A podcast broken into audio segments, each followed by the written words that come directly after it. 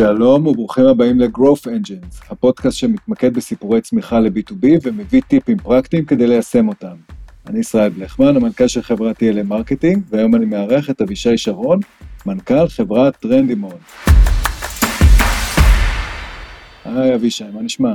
היי ישראל, תודה רבה, הכל טוב. היום אנחנו מדברים על Customer Journey, על המושג הזה, על האתגרים שלו, ספציפית בהקשר של ABM, אבל שנייה לפני שנתחיל, בוא ספר קצת על עצמך ועל Trendemon. בכיף. אז זה די משעשע, כי ישראל, הסיפור שלנו הרי מתחיל אה, ממש מראשית החברה, אז אה, אמ, אני אתן טיפה רקע, אז הקמתי את Trendemon לפני כשש שנים. לפני כן הובלתי marketing agency, שעזר לחברות אה, B2B בעיקר בהטמעה של טכנולוגיות marketing, סיילס, אתרים, אפליקציות. אה, ודרך העבודה עם לקוחות ולקוחות B2B אה, נחשפתי יותר ויותר לכאבים ולפערים. אני לא חושב שהרבה יודעים אבל בעצם את, ה, את העניין הראשון בעולמות של customer journey ו-buyer journey התחלתי כשעבדתי עם איתך ישראל במייקרוסופט עוד ושם כשהתחלנו לעבוד אחד הדברים שסיפרת לי באמת שהיה מאוד מעניין אותך לראות buyer journey עבדנו על איזושהי באיזשהו פרויקט שהראינו לכם המרות ועשינו ניתוח כזה ואחר. וזה היה בעצם אחד הקטליסט שגרמו גרמו לי להתעניין בתחום הזה בצורה הרבה יותר עמוקה. ו... וטרנדימון היום באמת עוזרת לחברות אה, להגדיל את ההמרות שלהם מהאתר, חברות B2B, אה, להגדיל את כמות המבקרים האנונימיים שהופכים להיות pipeline opportunities שהופכות, שמתקדמים במסע הלקוח, אה, בעיקר בדגש של content אה, ו-content marketing. אמ, תחום שעובר הרבה מאוד אה, גם גם שינויים והתקדמות בשנים האחרונות אבל ההתחלה באמת הייתה אה, הייתה יחד יחד איתך עוד במייקרוסופט. קודם כל כבוד גדול אני כל פעם נהנה לשמוע ככה את הסיפור הזה שלך כי באמת באמת כבוד גדול עבורי ואפשר גם להזכיר עוד אה, עוד פרט לגבי שנינו זה שאנחנו נפגשנו באופן די ספונטני ב SaaStr בספטמבר האחרון. ויצא לנו ככה גם, אה, גם לבלות קצת וגם להיות ב, בסשנים ביחד. אתה דיברת על, על דברים שאנחנו עבדנו עליהם כשאני הייתי עוד במייקרוסופט, ואתה רק אה, הקמת את Trendemon בנושא של Customer Journey, ופתאום עכשיו ב SaaStr, Customer Journey הפך להיות הדבר, נכון? או, או אחד מה, אחת מהמגמות המרכזיות שחזרו על עצמם כמעט בכל, אה, כמעט בכל סשן. סיפור ב SaaStr היה efficient growth, איך מייצרים צמיחה בצורה יעילה בתקופה, בסיטואציה העולמית והכלכלית שאנחנו נמצאים בה, ו, וכמעט בכל סשן חזרו ודיברו על המושג הזה שנקרא customer journey, איך עוקבים ואיך מטייבים את מסע הלקוח, ואני חושב שזה תמיד, אה, תמיד איזושהי אה, יש איזשהו סימן שאלה, תמיד זה איזשהו, איזשהו מסתורים סביב הדבר הזה שנקרא customer journey, ולכן רציתי שנעשה את השיחה הזאת. כן, כן, א', אני חושב שבכלל תקופה מאוד מעניינת, כי בטח לחברות אה, טכנולוגיה ובטח לחברות צמיחה, אנחנו בתקופה של שינוי, ושינוי מאוד מאוד דרסטי ומאוד מאוד דרמטי. אה, אז עם כל האתגרים זה סיטואציה לדעתי מאוד מעניינת. ומצד אחד נכון יש איזה חזרה למקורות של להבין בסוף מי הלקוח ומה הוא רוצה ולכן המבנה הזה של customer journey הוא, הוא, אה, הוא timeless כי הוא באמת בעצם מתאר משהו מאוד מאוד נכון ומאוד אמיתי. ואני חושב שמה שמעניין זה לראות איזה שינויים קורים בסביבה שמחייבים אותנו לפענח את ה-buyer journey בצורה אחרת. אחד הדברים שגם אה, גם שמענו שם וגם דיברנו עליהם קצת לפני השיחה הזו. זה המעבר לאנונימיות שה-B2B buyers נהיים יותר ויותר אנונימיים, הם נהיים יותר ויותר בשליטה, ובאיזשהו מקום ה marketers וגם גם ארגון ה sales, זאת אומרת אפילו לא רק אנשי ה marketing אלא גם אנשי ה sales, מאבדים יותר ויותר כלים שהם יכלו לנהל את המסע הזה עבור הלקוח והם צריכים לפענח אותו ולהכווין אותו בדרכים אחרות. אז, אז יש פה כאילו צירוף של כל מיני שינויים שקורים גם ברמת המקרו-אקונומיקס וגם ברמה אה, גם ברמת טכנולוגיות ודאטה ופרייבסי והמון אלמנטים שכולם בסוף מתקשרים לבסיס הזה שנקרא מסע הלקוח. ואני חושב שלכן אנחנו שומעים יותר אה, ורואים יותר אה, שחקנים מנסים להבין ולראות מה כן אפשר לעשות שם גם בתקופות המעניינות שלנו עכשיו. אז שנייה אחת לפני שאנחנו נוגעים באתגרים ובאיך מתמודדים איתם, בואו ננסה רגע להגדיר מה זה בכלל אה, מסע לקוח. אני בטוח, אגב, שלכל אחד תהיה פרשנות משל עצמו. איך אתה, איך אתה מגדיר את המושג הזה? אז אני חושב שכשיצאנו באמת לדרך, אני אגיד לך איזה גם התפתחות אצלנו עברה בהסתכלות על, על, על מסע לקוח בקונטקסט של B2B, ואני חושב שמה שרק חשוב כדיסקליימר זה שכל השיחה והרקע שלי והרקע שלנו בטרנדימון זה באמת מסעות של, של, של B2B, של חברות B2B. אז ברמה הבסיסית מדובר על אוסף האינטראקציות, אוסף נקודות המגע, אה, הנראות והבלתי נראות של קונה פוטנציאלי עם המותג, ולפחות מהדרך שאני מסתכל עליה, המסע הזה הוא למעשה אינסופי, זאת אומרת כל עוד יש איזשהו גורם שהוא בעל פוטנציאל להיות לקוח, גם כשהוא לקוח וגם אחרי שהוא עוזב את החברה, אם הוא מפסיק להיות לקוח, הכל עדיין יכול להתחבר לאיזשהו מסע, אותו מסע. בקונטקסט של B2B, אנחנו בעצם מוסיפים על המסע האינדיבידואלי את המסע של החברה. ופה אני חושב שיש גם אתגרים וגם הזדמנויות מאוד מעניינות, mm-hmm. אבל הם בסוף איזושהי הרחבה של המסע האינדיבידואלי כמסע של חברה. זאת אומרת, אם חברה היא עכשיו לקוחה פוטנציאלית, איך מסתכלים על המסע שלה, וזה מוסיף בעצם עוד נדבכים ועוד נקודות, מי האנשים, איזה נקודות מגע היו, באיזה פרקי זמן, עם איזה תכנים, איזה יעדים הושלמו? וכו' וכו', אבל זה בסוף המיפוי הזה אה, של מאיפה באו, מה עשו ולאן, אה, ולאן הגיעו, אני בעברי פשוט באתי מעולמות של מיפוי, ממש מעולמות של Geographic Information System, זה מה שעסקתי בצבא, והבעיה של מסע הלקוח הרבה פעמים הייתה הרבה יותר דומה מבחינתי לבעיית ניווט מבעיית משפך. יפה. אה, וגם דיברנו על זה קצת, שעולם המשפך כנראה, המרקטיאלי הוא כנראה כבר פחות רלוונטי, ו, ואנחנו צריכים באמת להסתכל על זה יותר כמו, כמו אנשים שהולכים לאיבוד אה, בניווט מאשר, אה, מאשר קבוצות. שאנחנו דוחפים אה, בתוך איזשהו משפך, אה, משפך דמיוני. אנחנו מדברים על הדומיין של החברה, או שאנחנו מדברים גם על מה שקורה מחוץ לדומיין הזה? לגמרי גם מחוץ לדומיין. בסוף, מסע הלקוח האידיאלי שהיינו רוצים לראות, כולל את סך כל האינטראקציות, אני אומר, החבויות וה, וה, וה, והגלויות.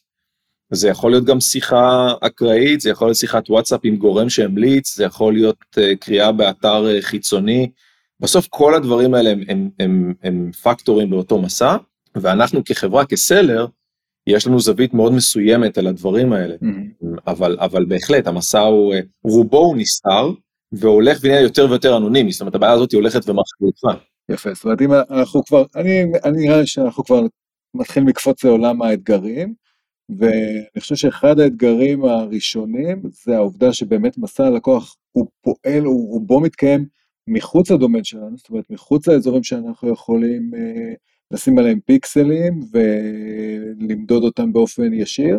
זה קורה בשיחות מסדרון, זה קורה, זה קורה אונליין באתרי אה, reviews, אה, זה קורה ב communities, ברשתות חברתיות, וחלק מהאתגר שאנחנו צריכים להתמודד איתו זה העובדה שזה נמצא במקומות שאנחנו לא רואים, ואתה הזכרת את זה כבר, זה עכשיו גם מתקיים בעולם שהולך ונהיה יותר ויותר אנונימי, נכון? אנונימי ועם מודעות יותר גבוהה לפרייבסי ועם רגולציה יותר משמעותית, זאת אומרת יש כמה כוחות, ואם אנחנו מתחילים לדבר על האתגרים באמת. בוא נקפוץ לאתגרים. כן, אז מעבר ל... ל אה, בוא נגיד ככה, לבחירה שהיום ביירים עושים בכמה הם מוכנים לחשוף, אה, ומתי הם מוכנים לחשוף, ומה הם מוכנים, וכל הדברים האלה, יש גם אתגרים של ברמת המאקרו של פרייבסי, uh, של רגולציה. Uh, אחד הטרנדים, uh, לפני כמה שבועות אז, אז השתתפנו בכנס של 6sense בארצות הברית, 6sense חברת ABM. אחד הנושאים שחזרו שם בצורה מאוד מאוד בולטת, זה האתגר הזה של third party cookie. זאת אומרת העובדה שגם אמצעי המעקב שמפרסמים היו רגילים להסתמך עליהם בעצם עוברים, הולכים לעבור איזושהי טרנספורמציה. אמ, אז יש לנו אתגרים ברמה של דאטה, שדברים שיכולנו שאנחנו יכולים לעשות היום לא בהכרח נוכל לעשות אותם בעוד שנה בהקשר של אה, אה, אה, תיוג, בהקשר של מעקב, בהקשר של פרסום בגופים צד, צדדים שלישיים. יש לנו את האנונימיות שהולכת וגוברת מצד הבייר עצמו, שלא ממלא פרטים היום, בטח לא באינטראקציות ראשוניות, ו, ומחפש קודם כל ללמוד ולהבין בעצמו. אז זה עוד, אה, עוד אתגר שיש לנו. ואתגר שלישי זה בעצם בסוף אתה צריך לאפשר ללקוח לחנך את עצמו, to self-educate. וכאן, ופה אני חושב שאולי הנקודת אור שיש מכל האתגרים שהתחלנו למנות, זה שכן יש המון המון דאטה שלדעתנו היום עדיין לא מנצלים אותו בצורה טובה, כדי באמת להבין, בסופו של דבר השאלה הבסיסית שהרבה marketers מנסים לענות עליה, זה who's in the market for, for your product. מי בכלל ב ecosystem הזה, ב-ICP שלך, הוא בכלל is in the market. ו- ומצד אחד יש דברים שמקשים היום לענות על השאלה הזאתי, בגלל כל האתגרים שדיברנו עליהם, האנונימיות וה privacy וכל הדברים האלה, מצד שני יש דאטה שכן יכול לעזור שעדיין לדעתנו לא מנצלים אותו בצורה, אה, בצורה מספיק טובה. והדאטה הזה נמצא במקורות אה, צד שלישי, והדאטה הזה גם יכול להיות אצלנו. נכון, נכון מאוד. באמת התחלנו לדבר על, על השינוי של B2B's שממציאים את עצמם עכשיו כסוג של publishers, כ-audience owners, שהם צריכים להיות בעצם עכשיו בפרונט בקשר עם קהל היעד שלהם, ולא רק כצרכן של פרסום או צרכן של שירותים אה, של צדדים שלישיים. אז יש המון דאטה שגם נמצא בפרסט, יכול להיות בפרסט פארטי, ויש עדיין אתגרים של איך לקחת אותו, איך, איך לעשות לו קפצ'רינג ואיך לעשות לו בסוף, אה, איך לעשות אקטיבציה לכן ביירים אה, שאנחנו רואים שהם כן in the market. אז גם אם עברנו את, את נקרא לזה את אתגר הדאטה ולהבין מי נמצא, אנחנו ניצבים באתגר האקטיבציה, אה, של מה עושים עם המידע הזה, ומי עושה עם המידע הזה.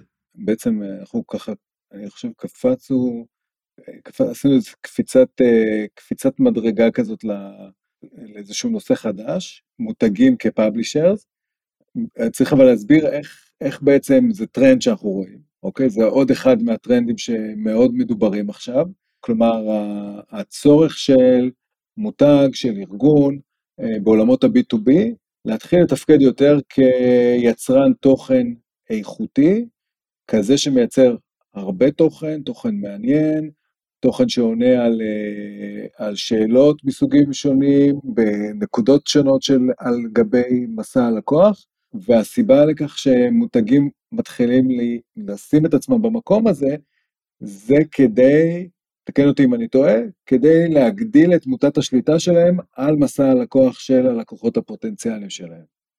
נכון? כן, אני, מה ש... הדרך שאני כאילו מתרגם את זה בעצם ו, ו, ומסתכל על הטרנספורמציה הזאתי, בסופו של דבר מה שמניע כל בן אדם באיזושהי פעולה או מצליח לגרום לו לחשוב על דברים בצורה חדשה, זה הבסיס הזה שנקרא תקשורת, איזשהו communication, איזשהו back and forth, אני אומר משהו ואתה מגיב, כמו שאנחנו מנהלים שיחה, אה, הדרך להניע אנשים בחשיבה על דברים היא דרך שיחה. עכשיו לפעמים השיחה הזאת היא שיחה ישירה, נכון? כמו שיש מכירות, אתה מרים טלפון פעם למישהו ואומר תקשיב יש לי משהו מדהים להראות לך. הרבה מאוד מהשיחות שמתקיימות היום הן שיחות בעצם מאחורי איזשהו מסך. מה זה השיחה הזאת? זה מישהו שבא, נכנס, קורא חומר, עובר אולי איזשהו שינוי מחשבתי, אבל בסופו של דבר המותג מקיים communication uh, גם אם הוא לא בצורה ישירה, גם אם הוא לא מה שנקרא literal communication. אז כן, ה brands חייבים להיות communicator, הם חייבים להסתכל על עצמם כ- כמתקשרים, כמו גוף תקשורת, אם ניקח את ה publisher באופן כללי כגוף תקשורת, ה publ, הברנדים, החברות חייבות להיות מסוגלות לתקשר את הדבר הזה. אבל אני חושב שבשונה מ publisher רגיל, ynet, גופים כאלה, שאתה מדבר לקהל מאוד מאוד רחב, ואתה מה שנקרא אה, one size fits all, ואתה נותן את הסחורה הזאת לכל מי שמוכן להאזין, המשימה של ה-B2B marketer היא הרבה יותר כירורגית, והוא חייב לקיים דיאלוג דרך התוכן עם הרבה מאוד סגמנטים שונים, עם הרבה מאוד ורטיקלים שונים, בשלבים שונים של המסע, אז הוא חייב להיות אה, אה, גוף תקשורת הרבה יותר מתוחכם, באיך שהוא מייצר חומרים, באיך שהוא מפיץ את החומרים, באיך שהוא מנהל מעקב אחרי איזה אינטראקציה החומרים האלה, איזה השפעה הייתה לחומרים האלה, כי החומרים האלה הם stepping stone, הם איזושהי נקודת ציון לאורך מסע הלקוח, הם לא היעד, נכון? הברנדים הם לא publishers, הם לא עשו הסבה ל publisher. Mm-hmm. אבל כן, אבל בסוף, בסוף זה באמת התקשורת, היכולת להעביר מידע ולהעביר רעיונות, ולעשות את זה בקונטקסט של, ה, של הסביבה, הסביבה הדיגיטלית, של, ה, של האתגרים הדיגיטליים, אה, ובקונטקסט עסקי, נכון? הכל בסוף צריך להתרגם לאיזשהו KPI ש-CFO יודע להסתכל עליו בסוף. כן. אז בוא, בוא נדבר על זה באמת. בוא נתחיל מ-KPI publisher, אבל אני, המטרה שלי זה באמת לא, לא כמו ynet אה, להביא כמה שיותר traffic, להשאיר כמה שיותר זמן את המשתמשים אצלי באתר, תקן אותי אולי אני טועה, אולי זאת כן מטרה, ולהביא מפרסמים. כאן אני צריך להביא קהל ממוקד, אה, להבין על איזה מקום, על איזה, באיזה, באיזה שלב של אה, תהליך קבלת ההחלטות הוא נמצא, להנגיש לו את התוכן הרלוונטי ולקדם אותו בתוך התהליך לקראת מכירה, נכון? זאת אומרת, אה, להשאיר ליד, לבקש לראות דמו, לייצר אופרטיוניטי. אז מה, אז מה ה-KPIs? איזה, על איזה מדדים אנחנו צריכים להסתכל? אז אני חושב שעוד צעד אחד לפני, אחד הדברים שאנחנו שמנו לב שמשפיע על הצלחה או אי הצלחה של איזשהו מהלך בדיגיטל ב-B2B, זה באמת קודם כל הגדרה מאוד ברורה של מי ה-ICP, למי אתה רוצה לדבר. זאת אומרת, עוד לפני שאני בא למדוד את, ה, את האפקטיביות של מה שאני מספר, ההחלטה של מי קהל היעד שלי, אם זה ברמה הרחבה, מה ה-ICP, what's the ideal customer profile, ובתוך ה-ICP הזה, לאיזה סגמנטים אני רוצה לדבר, יש השפעה מאוד מאוד גדולה ל, ל, ל, להצלחה או אי הצלחה ועל, ועל, ועל ה-KPI שאני ארצה להסתכל עליהם. אז רק איזושהי אה, אה, הקדמה, עוד לפני שבכלל מסתכלים על הנתונים, על הדאטה, האם ההגדרות שלנו בכלל הן אה, נכונות. ו, ואם עשינו את השלב הראשון והגדרנו נכון את קהל היעד, שאלה ראשונה שאנחנו מסתכלים כמה מהאנשים שהם עונים על הקריטריון הזה בכלל קיימו אינטראקציה ישירה עם הברנד שלי, עם האתר שלי, עם הנכסים שלי. אה, אנחנו מתמקדים באתר, אז רוב ההצצה שלנו זה באמת על המבקרים לאתר, והמידע הראשון שאפשר להסתכל זה כמה אנשים מתוך ה target list שהגדרתי בכלל ביקרו, כ visitors בכלל, כ-KPI ראשוני שעוזר בכלל להבין האם אה, המשאבים שהשקעתי בלצאת החוצה והאנשים שהצלחתי להביא הם בכלל האנשים הנכונים. Mm-hmm. יכול מאוד להיות שאני אביא אנשים super engaged, עם ממש עם, עם, עם אינטראקציה מאוד גבוהה, אבל הם פשוט לא הלקוחות שלי. אנחנו רואים את זה הרבה פעמים למשל בעולם של SEO, ש, שכתבות מצוינות יכולות להביא המון, המון מבקרים והמון traffic, ו top line נראה מאוד מאוד מבטיח, אבל בסוף מעט מאוד בכלל הופכים להיות opportunities. אגב, זאת יכולה להיות גם אה, איזשהו, זה יכול להיות גם איזשהו input שאומר, אה, למשל, יכול להיות שקהל אחר שלא חשבנו עליו קודם, יכול להיות אה, קהל רלוונטי, זאת גם, זה גם יכול להיות תוצר לוואי של סוג כזה של טעות או תקלה. נכון, וכל מה, שמש... ומה שמשותף לכל הדברים שאתה חייב, החברה חייבת להיות מסוגלת להאזין לאינפוטים שמגיעים מהמבקרים, ו... ולא להסתכל, חזרנו ל-customer journey, ולא להסתכל רק על ה top line, על ה-funnel metrics, יופי, הגיעו כך וכך מבקרים, או הגיעו כך וכך, הגיע כך וכך traffic, או היה לי כך וכך page views, או אפילו היו לי כך וכך לידים שנרשמו. אלא איזה אחוז מאותם דברים הוא בכלל זה ששווה שאני אסתכל עליו ועליו אני צריך בעצם להפעיל את הזכוכית מגדלת ולהסתכל על, על, על המסע שלהם ועוד פעם על, על כל הקונטקסט של הנקודות מגע לאורך זמן אבל דיברנו בכלל בהתחלה על כמה מהמבקרים האלה בכלל הם חברות רלוונטיות. לנו יש מדד במערכת שמדבר על proceed companies איזה חברות עברו את המשוכה הראשונה ששמנו שהיא בכלל לראות עוד page view, הרוב נוטשים בעמוד הראשון, או לא הבינו בכלל מה בכלל הם רואים, וזה אתגרים בכלל של value proposition, אם אני יודע לתקשר את זה נכון, אז, אז כבר בנקודה הזאת יש לי KPI שאני רוצה להסתכל עליו, שזה כמה חברות מחברות היעד אה, המשיכו הלאה. וכשאתה חושב על זה, זה, זה, זה משהו די מטורף, שחברות משקיעות כל כך הרבה כסף בקמפיינים של ABM ובמהלכים אה, של מדיה ודמנג'ן ואוטריץ', ובסוף עשו את כל ה heavy lifting, הביאו בן אדם מאוד רלוונטי, הפרסונה הרלוונטית, את החברה הרלוונטית, ובן אדם לא הבין מה החברה רוצה ממנו ונטש בדיוק אחרי page view אחד, אז זה KPI אחד ברמת ה... עוד פעם, ה top, ה top line, ה top funnel, top of the funnel שמסתכלים עליו. אנחנו מסתכלים גם על uh, של, של target accounts עם התוכן, זה אומר חיתוך של לא רק מספר ביקורים וכמה אנשים מכל חברה, אלא כמה מהם באמת צרכו את התכנים. אז זה leading indicator מאוד טוב לחברות שהן בסופו של דבר in the market, נכון? הרי זה מה שאנחנו מנסים לעשות לו uncovering. מי בכלל נמצא בשלב שבו הוא מוכן uh, לשקול, מחפש את הפתרון, כל מה שהוא לא מה שנקרא uh, general education ורק בגדול מחפש uh, להכיר את, ה, את העולם הזה.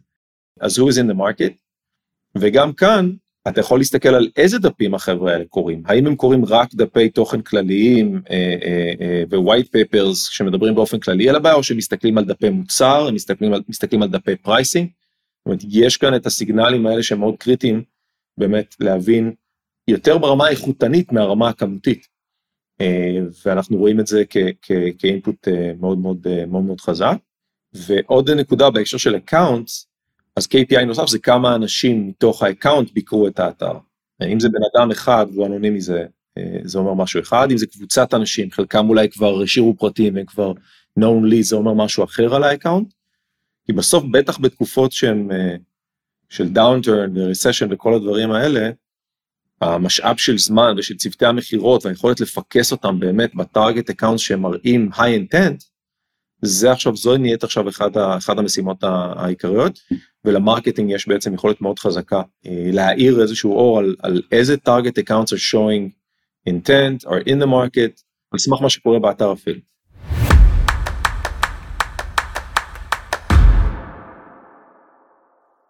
על סמך uh, הניסיון שלכם, איזה, איזה מאפיינים יש uh, בעיניך ל-MQA, Marketing Qualified Account? מבחינת uh, כמות פרסונות שמעורבות, מבחינת כמות engagement, סוג ה engagement, מה, מה, מה לדעתך qualifies account?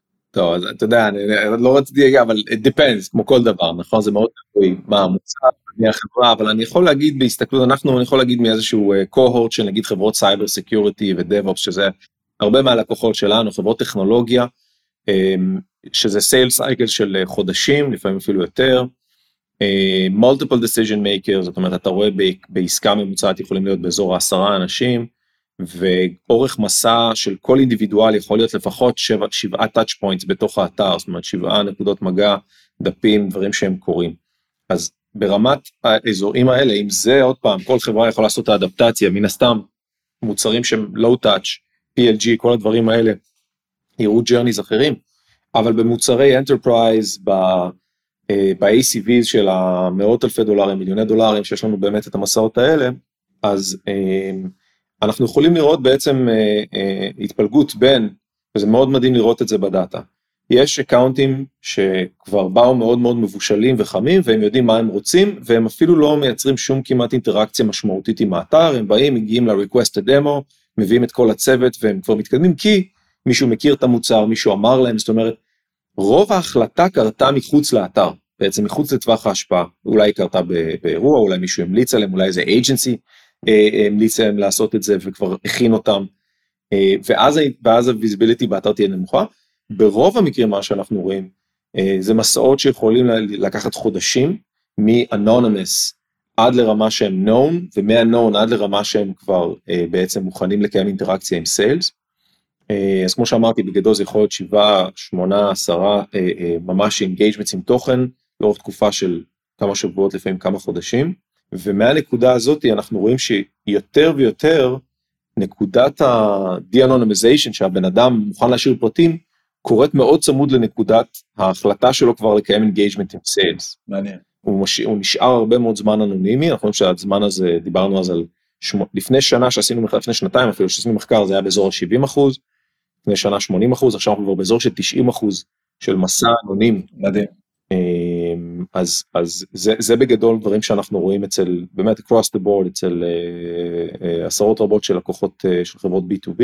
זה זה אגב מרפרר לדיון אחר שיש בו זמנית לגבי gated או non-gated uh, content האם האם לייצר כמה שיותר לידים באמצעות סגירה של כמה שיותר תוכן מאחורי uh, אה, מאחורי טפסי, אה, טפסי השארת אה, פרטים, או פתיחה של התוכן ככה שהלקוח יוכל לעבור את המסע בעצמו, להתבשל, וכשהוא יהיה מוכן להשאיר את הפרטים כדי אה, להתקדם בצורה משמעותית, זאת אומרת, אה, לראות דמו, לדבר עם איש מכירות. נכון.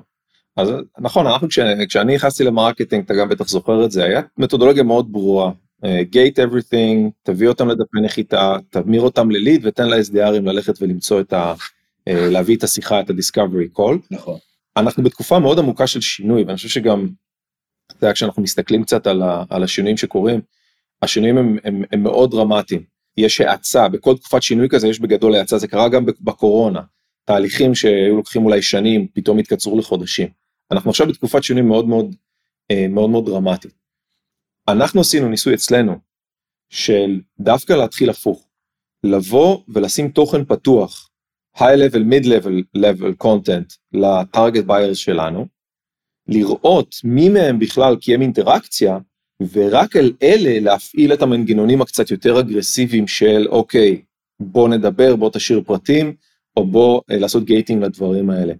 ואני חוזר עוד פעם לדעתי למשימה העיקרית היום של הרבה marketers, to uncover the intent, to uncover who is in the market. אם אתה חוסם מוקדם מדי, אתה אולי לא מקבל תשובה לשאלה הזאת.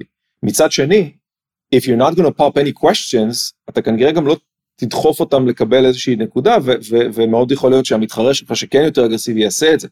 אז יש כאן בלנס, אין פה איזה אמת אחת שאומרת open everything או gate everything, אבל אני חושב שמה שעוזר זה עוד פעם להיכנס לראש של הלקוח הפוטנציאלי.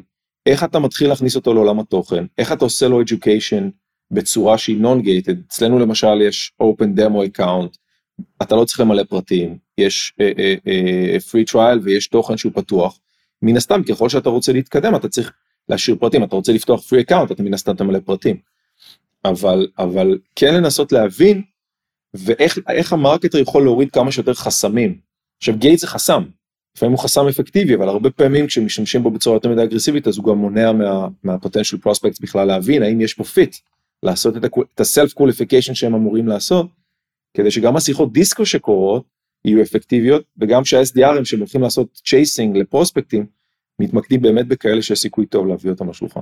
בוא, בוא נדבר שנייה אחת, דיברנו על KPI, דיברנו על ה-gated או non-gated, בוא נדבר שנייה אחת על, על, על תוכן. תוכן כמו, כמו הרבה דברים, כמו, כמו customer journey, שזה לא מושג שנולד אתמול, אבל הוא חזר להיות חם, תוכן חזר להיות uh, חם, עד כדי כך שבאמת uh, uh, מותגים רוצים עכשיו לסגל לעצמם יכולות הפקה של תוכן שדומות ליכולות הפקה של publications. מה, מה זה אומר, איזה, איזה תוכן? כי, כי, כי אנחנו יודעים ש... למרות שמדברים על החשיבות של תוכן כבר שנים, מאוד קשה לייצר תוכן, בסוף. בסוף, בסוף, בסוף, כשמגיעים לדבר הזה, וגם כשאומרים שזה מאוד חשוב לקידום אורגני, וגם כשאומרים שזה חשוב מאוד ל-lead generation, מאוד קשה להביא את רוב הארגונים ליצור תוכן. בין אם זה בבית, בין אם זה באמצעות אה, ספקים חיצוניים, זה, זה קשה. איך אתם רואים אצל הלקוחות שלכם את ההתגברות הזאת על המכשול של הפקת התוכן. כן, אז אני חושב שגם כאן יש אה, סיבות שונות לייצר תוכן, נכון? יש מניעים שונים. יש את המניעים ההיסטוריים שאנחנו מכירים של SEO ו- ולהביא, בעצם להשתמש בתוכן כמנוע טראפיק. אם אני מתרגם את זה, זה בעצם כמו לקנות מדיה. אני מייצר תוכן בעולמות התוכן שלי מתוך מטרה שהוא יקודם ויביא אליי טראפיק. הרבה מהאתגר כאן זה שזה יכול להביא כל מיני מבקרים ויש בעצם תחום שלם שאין לי שליטה עליו. זה עולם אחד העולם ההיסטורי של ייצור התוכן. הלקוחות שאנחנו רואים והעבודה שהם עושים, היא מתחילה עוד פעם באמת בהגדרה, מי הקהל שאני רוצה לדבר אליו, ומתוך ההבנה של מי הקהל, איזה סוגי תכנים אני רוצה לייצר עבור אותו קהל, ועבור השלבים השונים של אותו קהל. זאת אומרת, הדיון כאן בייצור התוכן נהיה פתאום הרבה הרבה יותר מתוחכם ועמוק, מעבר לרק בוא נכתוב עלינו, או על התחום שלנו, או על מה אנחנו עושים, התוכן הוא בפרספקטיבה של הלקוח ובפרספקטיבה של מסע הלקוח. זה הדרייבר וזה הבריף שאתה מייצר כשאתה בא לייצר איזה שהם תכנים. וזה מה שאנחנו רואים שלקוחות מאוד מאוד אה, מוצלחים אצלנו יודעים ממש לסגמנט ולתייג כל כתבה ללמה הם עושים אותה עבור מי ואחר כך גם המדידה היא כבר הופכת להיות טבעית כי אם אני בניתי תוכן לקהל מסוים ו- ואני רואה שהוא לא מצליח להניע את הקהל הזה, אז אני מבין שאני צריך לעשות איזשהו שינוי בתוכן הזה, לייצר דברים אחרים. אני לא מודד אותו באופן כללי מול תכנים אחרים, לקהלים אחרים, או מול תוכן של SEO. It's not the same, it's not the same playing field. לתוך הדבר הזה, רק משהו אחד אחרון לזרוק, זה ה-decreased attention span שיש לאנשים. הקושי שלהם לקלוט uh, long form content והצורך לתמצת להם ולה, ולהכניס אותם במהלך שהוא הרבה יותר gradual מהקל הכבד, כדי לאפשר להפוך אותם בעצם בסוף לקהל, וזה מה ש... זה המטרה של התוכן. המטרה של התוכן אה, היא לגרום לקבוצת אנשים רלוונטית עבורך להיות קהל, להיות, להקדיש לך attention. והדרך לזה היא באמת היום יותר מורכבת, כי גם אתגרי ה-attention של האנשים, גם הקושי, כמו שאמרת, ליצור תוכן אמיתי, איכותי, זו משימה מאוד מאוד מורכבת, ועוד מתומצתת, ואחרי זה גם להפוך אותה לפורמטים כמו וידאו למשל, שהם יכולים להיות יותר אינגייג'ים. אבל, אבל זה מה שהייתי מציע, וזה מה שאנחנו רואים לקוחות טובים שלנו שעובדים מאוד חזק עם תוכן, זה באמת בונים את אותם פרסונות, אותם קהלי יעד, וזה תמיד ה North Star שלהם, ולפי זה גם המדידה, שבאה ורואה האם הצלחתי להניע, כמו שאמרנו, יש כלים גם לזהות טראפיק אנונימי, אני יכול לדעת אם מבקר אנונימי מחברה קרא את הכתבה או לא קרא, אני לא צריך שישאיר לי פרטים בשביל זה, אני לא צריך לדבר איתו, אני לא צריך לשאול אותו, אני יכול לראות את זה מה signals שהוא משאיר לי באתר. בוא אני אנצל את ההזדמנות הזאת שוב, אני, אני, אתה שם לב, אני מנצל כל מיני הזדמנויות בשיחה שלנו גם כדי להביא, להביא ידע גם, אה, גם עבורי וגם עבור מי שמאזינים לנו לגבי מגמות חמות. יש איזה שהם אה, פורמטים של תוכן שהם בעיניך הופכים להיות יותר, הם שהם אמרג'ינג, שהם הופכים להיות יותר פופולריים או מתחילים להיות פופולריים, כדי להתגבר על הבעיה הזאת של ה-short attention span שדיברת עליו. כן, אז אז אני חושב שאנחנו רואים יותר ויותר חברות משקיעות בלקחת איזשהו עולם ולפרק אותו למרכיבים שהם יותר קלים לעיכול. כי אחד האתגרים, בטח במוצרים טכנולוגיים חדשים או בסטארט-אפים, זה education. education זה משהו שאתה רוצה לשנות מהותית איזושהי תפיסה של המאזין שלך. עכשיו זה לא, אתה יודע, טיק טוק כזה של טוב, אתה יכול לראות אותו endlessly ואיזה פידים כאלה שרק uh, באיזשהו מקום uh, לא ממש uh, מייצרים איזשהו שינוי עמוק יותר. אז אני חושב שההסתכלות היא לחשוב על אותם leading content items שיכולים להיות גם בסושיאל, שיכולים להיות בכל מיני מקומות גם שיכניסו את האנשים לעולם התוכן הזה, וככל שמתקדמים פנימה אפשר לפתוח ולייצר longer form content uh, בצורה, אתה יודע, בצורה יותר משמעותית. אנחנו למשל מגמה אחת שאנחנו רואים זה באמת לפתוח יותר מהתכנים, אם פעם היו הרבה דברים בצורת PDFים, דברים שהם יותר long form, אז הרבה מהדברים היום הם, הם, הם, אה, הם בווב דינמיים. וגם כאן יש הרבה יכולות היום לחלק כתבה לכמה, לכמה נושאים, לכמה חלקים. אה, דיברנו על וידאו ומצגות שאנחנו רואים אותם אה, חוזרים, אבל בסופו של דבר, אני חושב שהדרך היא פשוט לנסות ולמדוד ולראות האם הדבר הזה, האם התוכן הזה מגיע לאותן מטריקות שרצינו, האם הצלחנו להגיע ל-read rate שרצינו, לרמת, האם זה הניע אנשים, למשל, אחד המטריקות שאנחנו מסתכלים על הצלחה של תוכן, זה proceed rate, כמה מהאנשים שאכן קראו את הכתבה או את הפוסט או את המאמר, המשיכו לקרוא עוד תוכן באתר. Mm-hmm. אז כל ה leading indicator הזה עוזרים באמת להבין איך לדבר לקהל. עכשיו, קהלים שונים מגיבים אחרת. יש קהלים מאוד טכניים, שמבחינתם תן להם ממש את, ה, את, ה, את הדברים התכלסים, את הדוגמאות. אחד הדברים שעשינו לאחרונה אגב, זה לתת כלים. אה, למשל כלי של מדידת ה-ROI מ marketing technologies. שמנו לב שאחד השאלות של לקוחות שבאים אלינו, או, או prospect, מתקשים לעשות assessment של מה ה-ROI מאיזשהו כלי שאני הולך לעשות לו onboarding. אז בנינו מחשבון. שמנו באתר מחשבון אינטראקטיבי, שאתה יכול לשים את ה-cost ולשים את הזמן שזה ייקח לצוות ולשים את ה-expected uplift שזה ייתן לך למשל ל-conversion rate, ולראות איפה אתה יכול להיות ברמת ה-ROI. אז כלים אני חושב, ודברים אינטראקטיביים הם סופר סופר חשובים כחלק ממסע החינוך הזה. תוכן הוא אמצעי חינוכי, אבל יש עוד המון המון כלים אה, שאפשר, שאפשר למנף אותם כדי לייצר את אותה אינטראקציה עם, אה, עם השוק שלנו. אה, בעיניי, בעיניי calculator זה סוג של product, ו, ו, ואני חושב שבעולם של product led growth, באמת ה calculators היו, ה, היו הסנוניות ש, שהיום אה, הופכות אה, למוצרים מעט יותר משוכללים או הרבה יותר משוכללים, שדרכם מנסים להעביר את המשתמשים דרך, אה, דרך מסע לקוח מהתעניינות להזדמנות. יוצא לך לראות, או שאתם רואים אצל לקוחות מוצרים כאלה שנמצאים בתוך, בתוך, בתוך מסע הלקוח? כן, נתת את הדוגמה של PLG, ואני חושב שזו דוגמה דוגמה מצוינת ויש איזושהי הבחנה לדעתי קצת מלאכותית בין PLG ל enterprise ואומרים אוקיי יש מוצרים שהם product led ויש מוצרים שאתה צריך יש מכירות. אגב אגב אחת ההמלצות המשמעותיות שיצאו שעלו באופן בולט בסשנים שונים אמ, אחת ההמלצות הייתה לאמץ PLG motion לתוך Enterprise Sales. אני מסכים מאוד, אני, אני חושב שה mindset הזה הוא mindset שעוד פעם נכנס לנעליים של הלקוח ועוזר לו, נותן לו כלים לעשות אבלואציה. זה בסוף מה שעומד מאחורי אה, גם content וגם PLG וגם כלים שונים, זה לפתור בעיה עבור הלקוח. זה simple as that. אם אני מצליח לעזור לו לפתור בעיה, ולפתור בעיה למשל זה להבין האם המוצר הזה מתאים לי יותר או פחות, זה כבר בעיה שעזרתי לו לפתור. אם הוא עכשיו שוקל לאמץ איזשהו כלי, וכלי אחד עוזר לו בתהליך האבלואציה, גם אם הוא עשה לו disqualification, זאת אומרת גם אם הוא עשה, נתת לו ערך. ואצלנו למשל זה היה ממש אה, אה, אה, שינוי שאתה רואה מוצר enterprise שאתה עושה לו הנגשה דרך PLG, ומתוך זה אתה, אתה מאפשר להבין מי באמת אה, אה, יותר מתאים. זה גם, זה גם exercise לדעתי שהוא טוב להרבה מאוד ברנדים, לעשות רדוקציה להרבה מאוד מהיכולות של הכלי שלהם. דיברנו אגב על uh, short attention span. Short attention span המשמעות שגם פחות אנשים מוכנים לעלות לשיחה עם איש מכירות של שעה או חצי שעה או לעשות דמו ארוך. זאת אומרת אתה חייב לשנות את כל ה-assets באמת לכאלו שהם independent שהבן אדם יכול uh, uh, to self qualify to self explore uh, כמה שיותר בצורה עצמאית. ולכן וזה נכון ל enterprise כי בסוף נקודת הקצה זה בן אדם. זה בן אדם עם, ה, עם האתגרים בעבודה ובמשפחה והזמן וכל העניינים האלה ואתה חייב להיות מסוגל לתקשר איתו on his terms, not on your terms. זה שלך יש עכשיו חלון בשבוע הבא לעשות איתו שיחת מכירה, זה טוב ויפה, אבל זה לא מעניין אותו.